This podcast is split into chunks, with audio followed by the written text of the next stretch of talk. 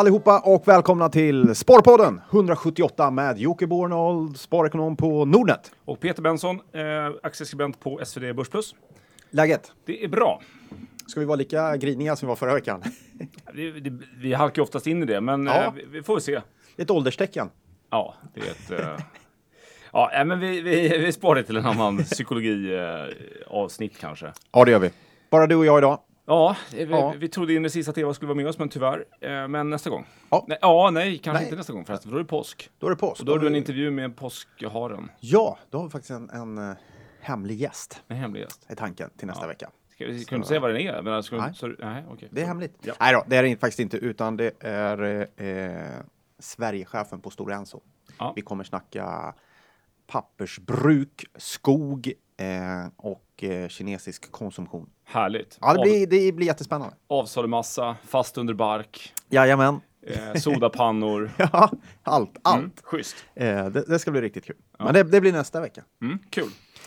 Eh, kul för er. Eh, jag får lyssna från annan ort. Vi, nu ska vi prata lite eh, alla svenskars älsklingsämne, skatt och deklaration. Ja, det kan vi göra. Ja. Ska vi börja med det direkt? Har du gjort din deklaration? Eh, ja, det har jag. Du har det? Ja. Okej. Eh, nu för tiden är jag ganska snabb med det. Ja. Eh, och det var inte så där jättemycket.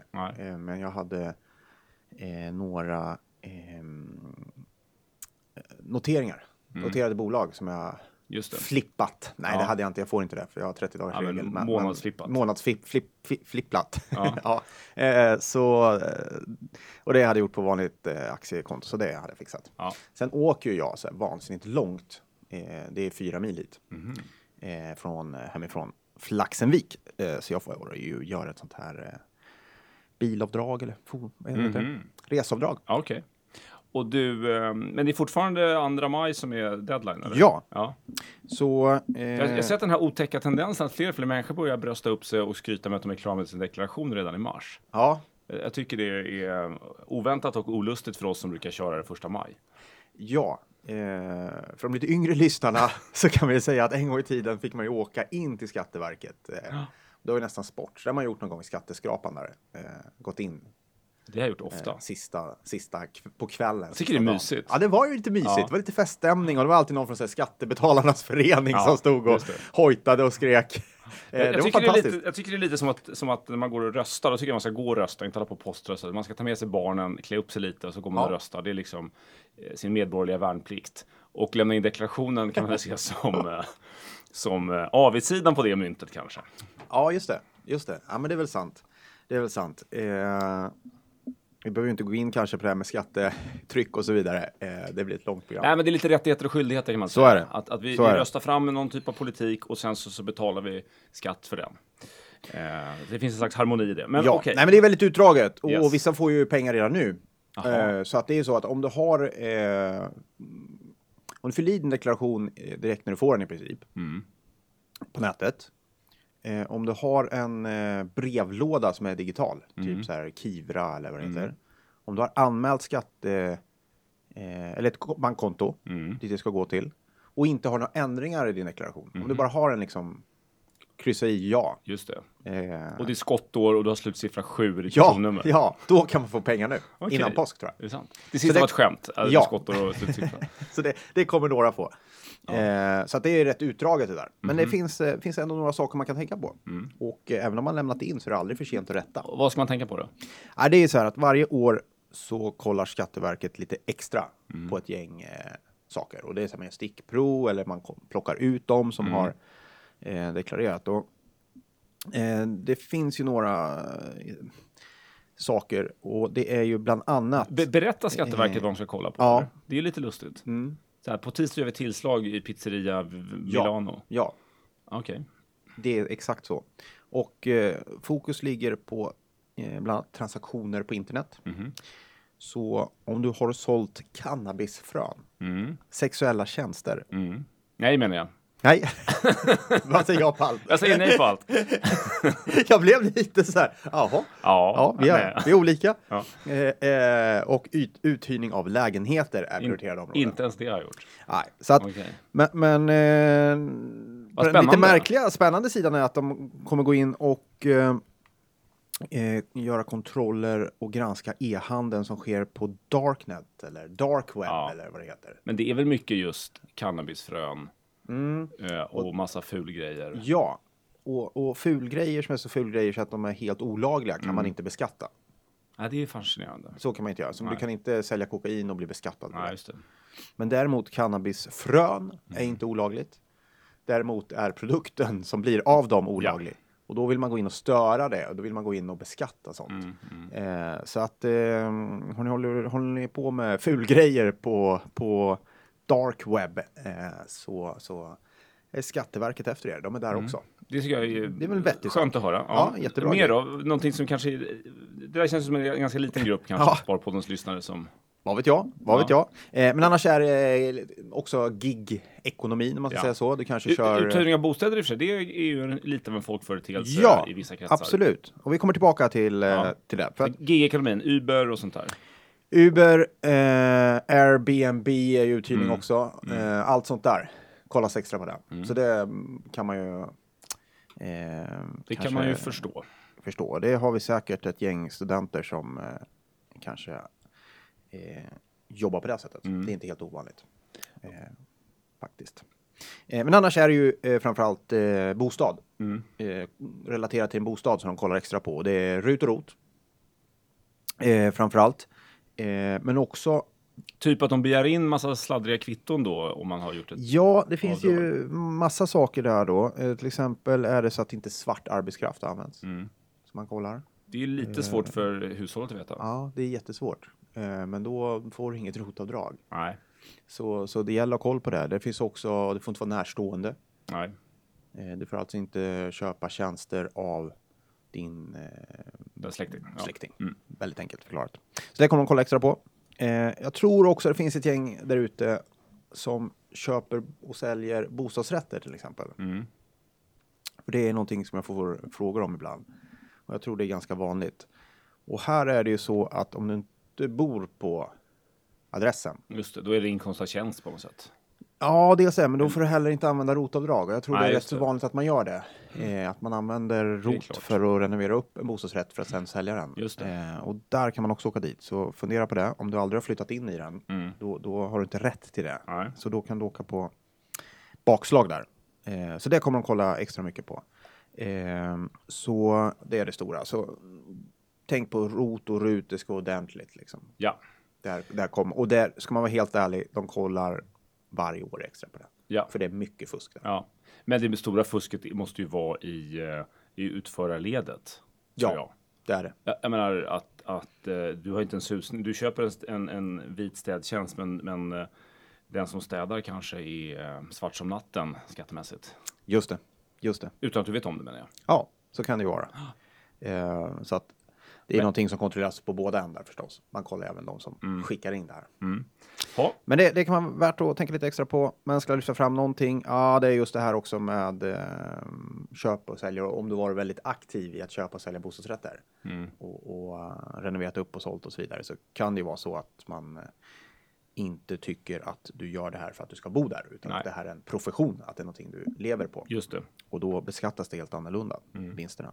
Så det, det kan ni också kika lite extra på. Ja, allt det här känns ju som lite så här specialgrejer. Jag menar, Mm. eh, håller man på att trada bostadsrätter eller trålar runt på Darknet så, så vet man ju om, alltså det, man förstår ju själv att det är Ja, en lite särskild verksamhet. Liksom. Absolut. Det är inte det här, alltså, mm, och det är väl ganska skönt. Det är ingenting man ska någonstans. säga bara Eh, råka göra, menar jag. Och jag gillar ju det att det har gått dit Ja. till deklarationen. Verkligen. Att det är ändå verkligen. Det är Udda ganska, grejer. Mm. Ja, det är ganska straight forward. Det är liksom, det är inte så, det är inte så svårt. Det är inte så mycket ni kan missa i Nej. deklarationen. Det är inga avdrag som sticker ut så där jättemycket. Eh, om man bara går tillbaka, man kanske får gå tillbaka 30 år i tiden. Mm. Men om man gör det, då var det ju extremt avancerat. Det fanns hur mycket grejer som helst.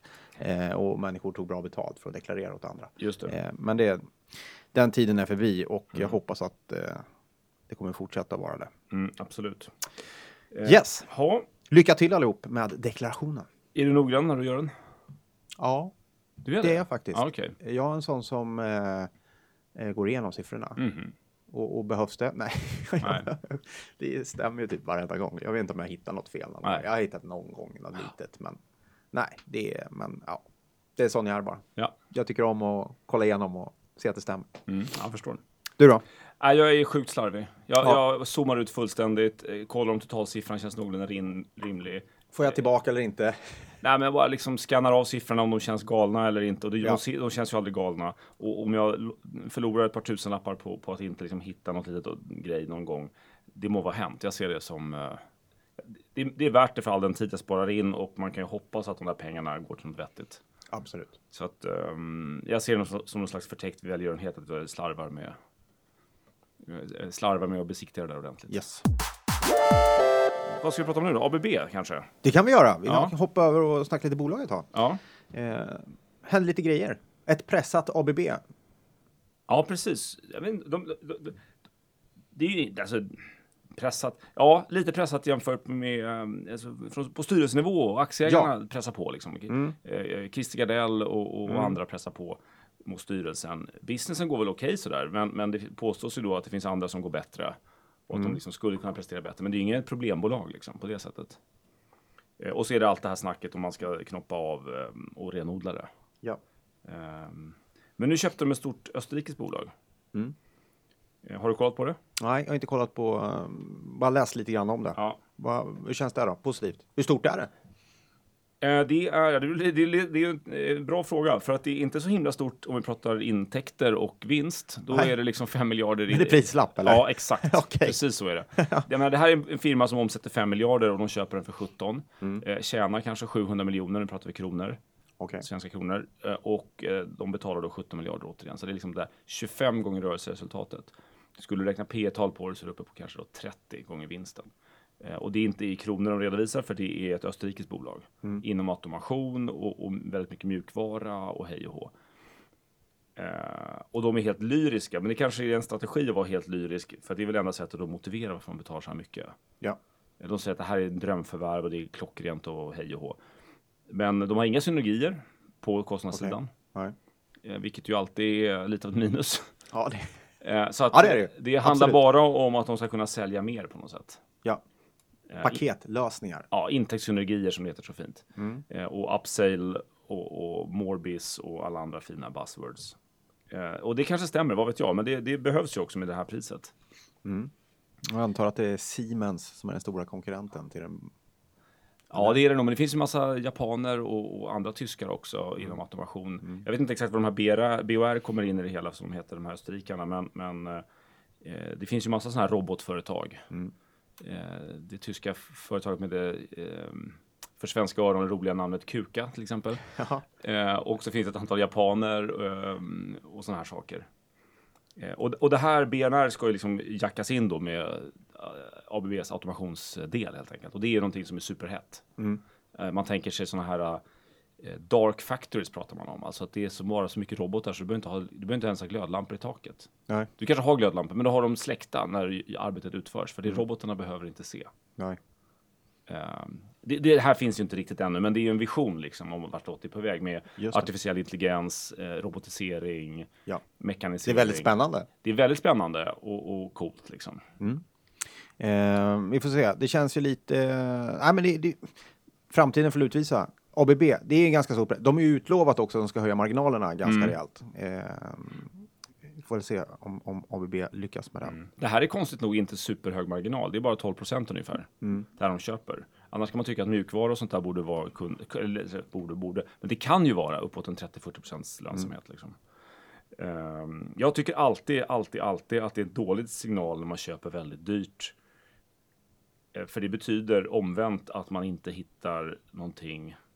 Man kan inte göra, något, man kan inte göra egna investeringar som ger en bättre avkastning uppenbarligen. Nej. Eller kan kanske man kan, men, men man ser man det som superattraktivt att betala 30 gånger vinsten för någonting så säger det någonting om vad man har för eh, meny eh, hemma. Att välja liksom. på, Ja, Absolut. för du har ju Absolut. alltid egna så att säga investeringskalkyler. Så är det ju. Utveckla egna produkter eller satsa Jajamän. på det här. Så liksom, och, och det är uppenbarligen en sämre kalkyl än att köpa någonting för 30 gånger vinsten och det är ju lite tråkigt. Ja, Men, men, men det är häftig utveckling i varje fall. ja, det är det. Helt Och, klart. och det är säkert industriellt rätt som det brukar heta, men eh, Precis. det är det här med pris också. Då. Ja, det är det också. Ska vi hoppa tillbaka till Sverige en stund? Ja, det kan vi göra. prata lite fastighetsskatt. Just det, Och då är det inte eh, på villor utan eh, på fastighetsbolagen. exakt. Eh, De har ju varit historiskt har de varit oerhört skattegynnade, Mm. tycker de flesta normala människor. För de har ju betalat någonstans mellan noll och ingenting i eh, bolagsskatt. Ja. Så läser du resultaträkning från ett fastighetsbolag så kanske det har stått att de har betalat x antal hundra miljoner i skatt. Men går du in och tittar vad de faktiskt har betalt så är det väldigt lågt. Extremt lågt. Extremt lågt oftast. Och, och det hänger ihop med ett antal saker, men det hänger väldigt mycket ihop med Dels är det att du, du kan ha stora avskrivningar på fastigheterna som, som gör att du kan trolla bort skatten, skattemässiga avskrivningar. Och sen är det den här möjligheten man har haft att paketera som det heter. Du Just det. lägger fastigheten i ett, i ett bolag, ett ensamt bolag som bara innehåller fastigheten. Så att om du har liksom eh, Björksippan 7 som heter fastighetsbeteckningen så har du ett Björksippan 7 AB och där ligger bara den fastigheten och ingenting annat.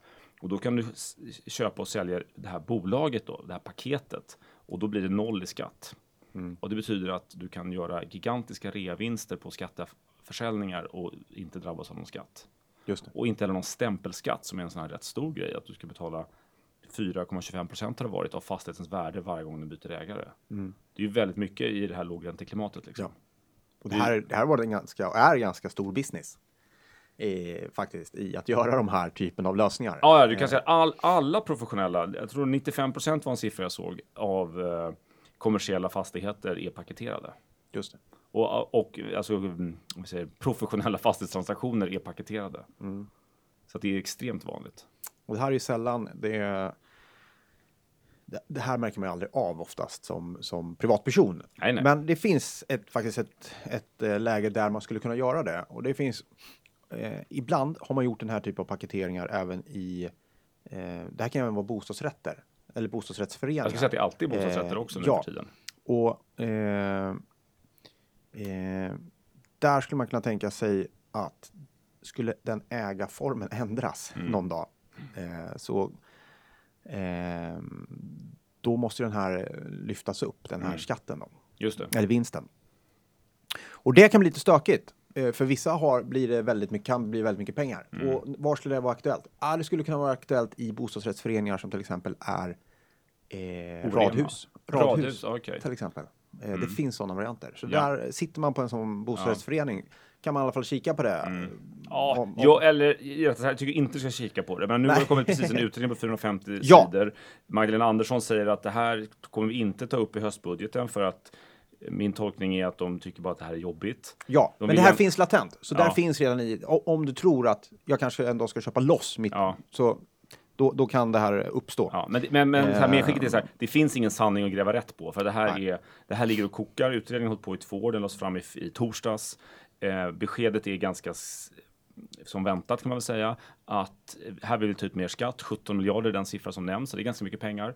Så att 17 miljarder eh, gånger om vi säger P 10 om det skulle vara på börsen. Det är Just det. ganska många fastighetsbolag som, som Alltså det, det är rätt mycket pengar. Det är Ja. väldigt mycket pengar det handlar om. Eh, och det kommer slå hårdast mot eh, de som handlar mycket fastigheter. Och, och Mm. typfallet är ju sådana här som JM eller eh, eh, Alm eller Oscar Properties. Alltså sådana här som utvecklar bostäder. Ja. För du köper in en, en, en, kanske en tomt eh, ganska billigt och den ligger i det här bolaget. Sen utvecklar du och detaljplan och projekterar och allting. Och sen så har du, gör du en jättestor reavinst när du säljer det här till en bostadsrättsförening. Eh, Och den reavinsten har då varit skattefri fram till nu. Och, och, Ja. och, och är det fortsatt också. Det är bara det att nu ligger det här och mullrar i bakgrunden och, det finns liksom skarpa lagförslag. Just det. Men vi får se vad som händer eh, om det här införs. Mm. Men eh, att man vill i alla fall ta bort de här kryphålen, det är Ja. uppenbarligen. Man hade tidigare den här rump... Eh, vad heter det för? eh, Kattrumpan. Kattrumpor, det Från- finns ju massa sådana här dubbel holländsk sandwich. De här skattelösningarna heter så mycket konstiga saker Aha. så det liknar ingenting. Nej.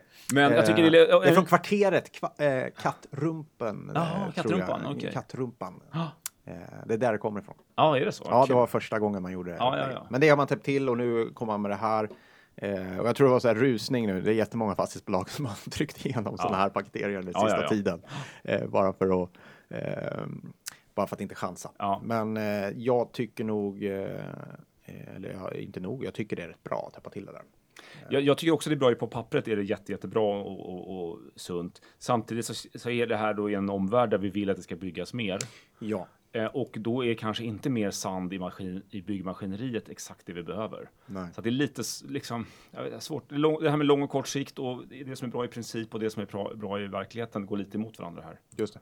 Jag tror inte det kommer, jag tror inte det kommer stoppas. Eh, Nej. jag tror inte det faktiskt. Jag tror, ja, men det är väl kanske inte svårare än att Byggnads Men det är ringt till- ganska känsligt för fastighetsbolagen. Det märker man. Eh, och att vissa föll ganska kraftigt. Eh, jag kommer inte ihåg när det var, men det kom någon nyhet om det där. Nej, alltså min bild är att de föll rätt kraftigt i måndags. Eh, men den kom i torsdags och i fredags var det ganska lugnt. Ja. Eh, och, och vi har följt det här ganska noga och kan naturligtvis inte begripa någonting om de här 450 sidorna mer än vad som står liksom i sammanfattningen. Nej. Men uppenbarligen tog det börsen över helgen att, Att läsa på. Att läsa på. Ja. Men jag hade nog trott att det skulle hända någonting på fredagen. Ja. Så att, apropå det här med effektiva marknader så är det en intressant observation. Just det. Så vad ska man ha med sig? Jo, att det i alla fall är någonting som eh, det pratas kring eh, och gjorts en utredning kring och att det kan påverka fastighetsbolagen. Ja, alltså så här, fastighetsbolag har i många, många år nu värderats på det sättet att du, du räknar på någon slags underliggande intjäning och så kommer du fram till någon slags vinst före skatt och sen så bara struntar du i skatten och så sätter du någon slags P tal på den här vinsten före skatt. Ja. Lite slarvigt har det varit så. Eh, och, och det tror jag man ska sluta göra. Ja. Man ska inte tänka 0% skatt, man kanske ska tänka 10% eller 15 eller vem vet, kanske till och med 22 som vanliga bolag. Är mycket intressant att följa. Och för, om vi pratar substansvärden då, alltså det här kommer ju slå mot fastighetspriserna också om det blir verklighet. Ja. För det, är en stor, det kommer vara en stor kil i, i de kassaflöden du som ägare kan förvänta dig från en fastighet om du äger den i säg fem år eller någonting sånt Just det. Just Men vilka drabbas minst? Jo, det är ju de som äger sina kåkar och inte har några som helst planer på att sälja dem. Ja. Så att vi fick en fråga här. Eh, jag har köpt huvudstaden just. Är det bra eller dåligt? Och det var ju ett väldigt bra val i det här sammanhanget. Ja. För huvudstaden lär ju aldrig sälja sina fastigheter. Just det. De äger så här Norrmalmstorg 1 och, och, och eh, Kungsgatan och massa andra sådana här monopoladresser. Gamla... Och, och Fredrik Lundberg äger det och det är, han kommer aldrig sälja. Eller han, alltså fast, eh, huvudstaden kommer inte sälja sina fastigheter kort sagt. Nej, känns osannolikt. Det känns osannolikt. Men det finns ju andra fastighetsbolag. För vi fick ett, eh, en, en fråga i, eller i den frågan fick Just vi eh, också om eh, eh, det eminenta bolaget Atrium Ljungberg. Ja. Eh, vad tycker vi om dem? Eh, jag har ingen närmare sådär. Vi har Börsbussen till exempel inte analyserat aktien. Vi har inget råd eller någonting sånt där. Men det är då, de är jätteduktiga på att utveckla och äga köpcenter. Mm. Eh, Sickla köpstad i Nacka. De har massa grejer på gång i Uppsala. De äger massa andra saker och, och anses väldigt duktiga på att utveckla och, och så här liksom. Ja, stadsutveckling centrerat kring eh, kring eh, köpcentra eller handel eller vad man nu vill kalla det. Retail helt enkelt. Mm. På ren svenska. Ska man tro på det? Digitalisering, man köper allt mer på nätet. Ja, jag tycker det känns skakigt. Ja. Atrium har gott rykte och anses väldigt duktiga och det ska man aldrig liksom ta lätt på. Det, det är en viktig faktor. Men, men jag såg i tidningen här bara idag. Eh, 14 stycken nya Mall of Scandinavia ska byggas I Sverige. i Sverige. Inte bokstavligen Mall of Scandinavia, men, men Nej. alltså lika, li, Lika så mycket, många, mycket yta eller? lika mycket yta. Mm. Och jag vet inte om, när, när var du senast i en butik och kände så här, det, är, det, är, det, är, det finns för lite butiker, det finns för lite yta, det är trångt i butiken. Jag var faktiskt eh, på Stadium med Greta, min dotter, och skulle köpa skor och då var det så. Var det trångt? Ja, det var trångt. Men, men det var framförallt så fanns det ingen att fråga och det blir, jag blir så otroligt frustrerad. Ja. För jag kommer alltid hem med skor och så säger min fru, eh, men de är alldeles för små eller de är alldeles för Mm. stora. Eller ah! Frustration. Just det. Eh, Men du behöver inte fråga någon, du kan testa skorna på din dotter. Är det sant? Ja. Nej, men det, grejen är att hon, hon tycker att alla skor är obehagliga. Jaha, okej. Så bara, ah, men det är trångt. Ja, okej. Så får man liksom hålla på och peta på tårna där. Bara, är Ja. tån framme? Du vet, så bara, ingen aning. Ja, ja, ja. men eh, visst är det så. Ehm, det är rätt spännande, för det är, det är två ganska starka krafter som, som, som eh, möts här. Digitaliseringen, vi köper allt mer på nätet. Jag tror alla köper allt mer på nätet. Eh, för det är ju sjukt smidigt. Mm. Men samtidigt så byggs det allt fler gallerior eller vad man ska kalla Ja, men jag, ja, jag, jag, I USA finns det mycket snack om sån här eh, köpcentrum död. Ja, Och, och, och, och där finns den ju. Där Den ju är jättestor. Den är stor. och, det blir så här onda spiraler. Att tappar ett par liksom såna här flaggskeppsbutiker så, så minskar trafiken, alltså konsument då kommer färre leta sig till gallerian och då stänger fler butiker och till slut är det halvtomt och då kan du inte ens ge bort de här butiksytorna. Nej. För att ingen vill vara i, det är ingen vits att ha en butik i en galleria där det är för lite besökare. Mm. Och då blir det en ond spiral som är en jättesvår att bryta. Just det. Ja, och då, då, de, de, de bara står som spök, spökstäder. Liksom. Alltså I Sverige har vi Systembolaget, så så länge gallerian har Systembolaget Ja. så har man en, en naturlig... eh, Ja, fast även det, kan man, Inkastare. även det kan man handla på nätet nu. Ja. Jag, har börjat handla på, på eh, Darknet, jag på att säga. Nej, men jag, jag har börjat handla vin på nätet. Ja, spännande. Ja, Funkar det bra? Oklart. Eh, Det var det här mat, mat, Mathem som har något samarbete med Mm. dansk sån här vinimportör. Det är ju inte liksom billigare och det är lite okända märken så man får chansa lite mera. Mm. Eh, Men det är rätt skönt att få hem det. Ja, så är det. Det är rätt skönt. Så att, eh, jag Ja. vet inte, men, men det, det, det kommer ju inte bli mindre vanligt om vi säger så. Nej, Och, spännande. och rent, rent liksom som kundupplevelse så var det ju supersmidigt. Mm. Men sen så måste man ju komma över lite trösklar, att man måste lära sig nya varumärken och kanske jobba lite mer med priset tror jag. Jag får med sig gallerior. Är det inte lite så här att eh, kommunen, det är klart vi ska ha en galleria. Ja, men det, liksom- det tror jag är lite så gammal kommunal dumhet, ungefär som att vi ska Ja, ha men en eh, ishockeyhall eller någonting. Ja. För nu tror jag de här centrumfastighetsägarna protesterar ju som Ja, eh, de protesterar ju för att du, du, du dödar ju centrumkärnan om du sätter upp någon sån här stor eh, eh, stort externhandelscentrum liksom. Tror du verkligen att 14, eh, att det kommer byggas 14 nya eh, Mall of Scandinavia eller kommer det, kommer det bara bli fem? Jag vet inte, jag har ingen aning. Nej. Men, men eh, jag har ingen aning. Men, men det låter mycket. Eh, Det men- som talar för det är väl befolkningstillväxt? Att man fortsätter att bygga ut och, och bygga den här typen av... Eh, Jo, men, eh, men, eh, men näthandeln växer snabbare. Mm. En, alltså, ja, vi får se. ja. Det ena kanske inte En liten observation apropå, nu var jag inne på det här med att köpa mat, eh, mat, eh, Mathem och Mat.se hade vi på börsen förut och sådär. Jag såg en liten kul grej om brittiska Ocado som är en sån här, eh, det är som Mathem eller Mat.se fast i Storbritannien. Ja. Ehm, alltså du köper mat, det är en matbutik på nätet helt enkelt, Mm. de skjutsar hem grejerna. Det är stort, de har miljardvärdering och det växer som tåget och allting. Eh, men eh, apropå att det är aldrig så enkelt som att det bara finns en store så finns det jättemånga som blankar den här aktien också. All right. Eh, så vet du hur stor del av ägandet som ligger hos de 20 största ägarna? Nej, ingen aning. Det, eh, den siffra jag såg var så här 105 procent. Och då får man Okej. säga, hur kan, hur kan de största ägarna äga 105 procent av bolaget? Ja, bra fråga. Ja, och det är ju för att det är för att de har, det är för att det är en så ruggigt mycket blankat. Okej. Så hela liksom free floaten och lite till är då blankat. Mm. Så att några av de här storägarna har då också lånat ut sina aktier Mm. till blankare. Okej. Eh, och det kan bli en ruggig smäll om det där vänder. Ja, verkligen. S- Smäll uppåt för aktieägarna, så det är Ja. bra. Ja, ja spännande. Ehm, ska vi säga någonting om eh, Eniro också? Ja, ett drömblankningscase har det varit för veckan. många. Ja.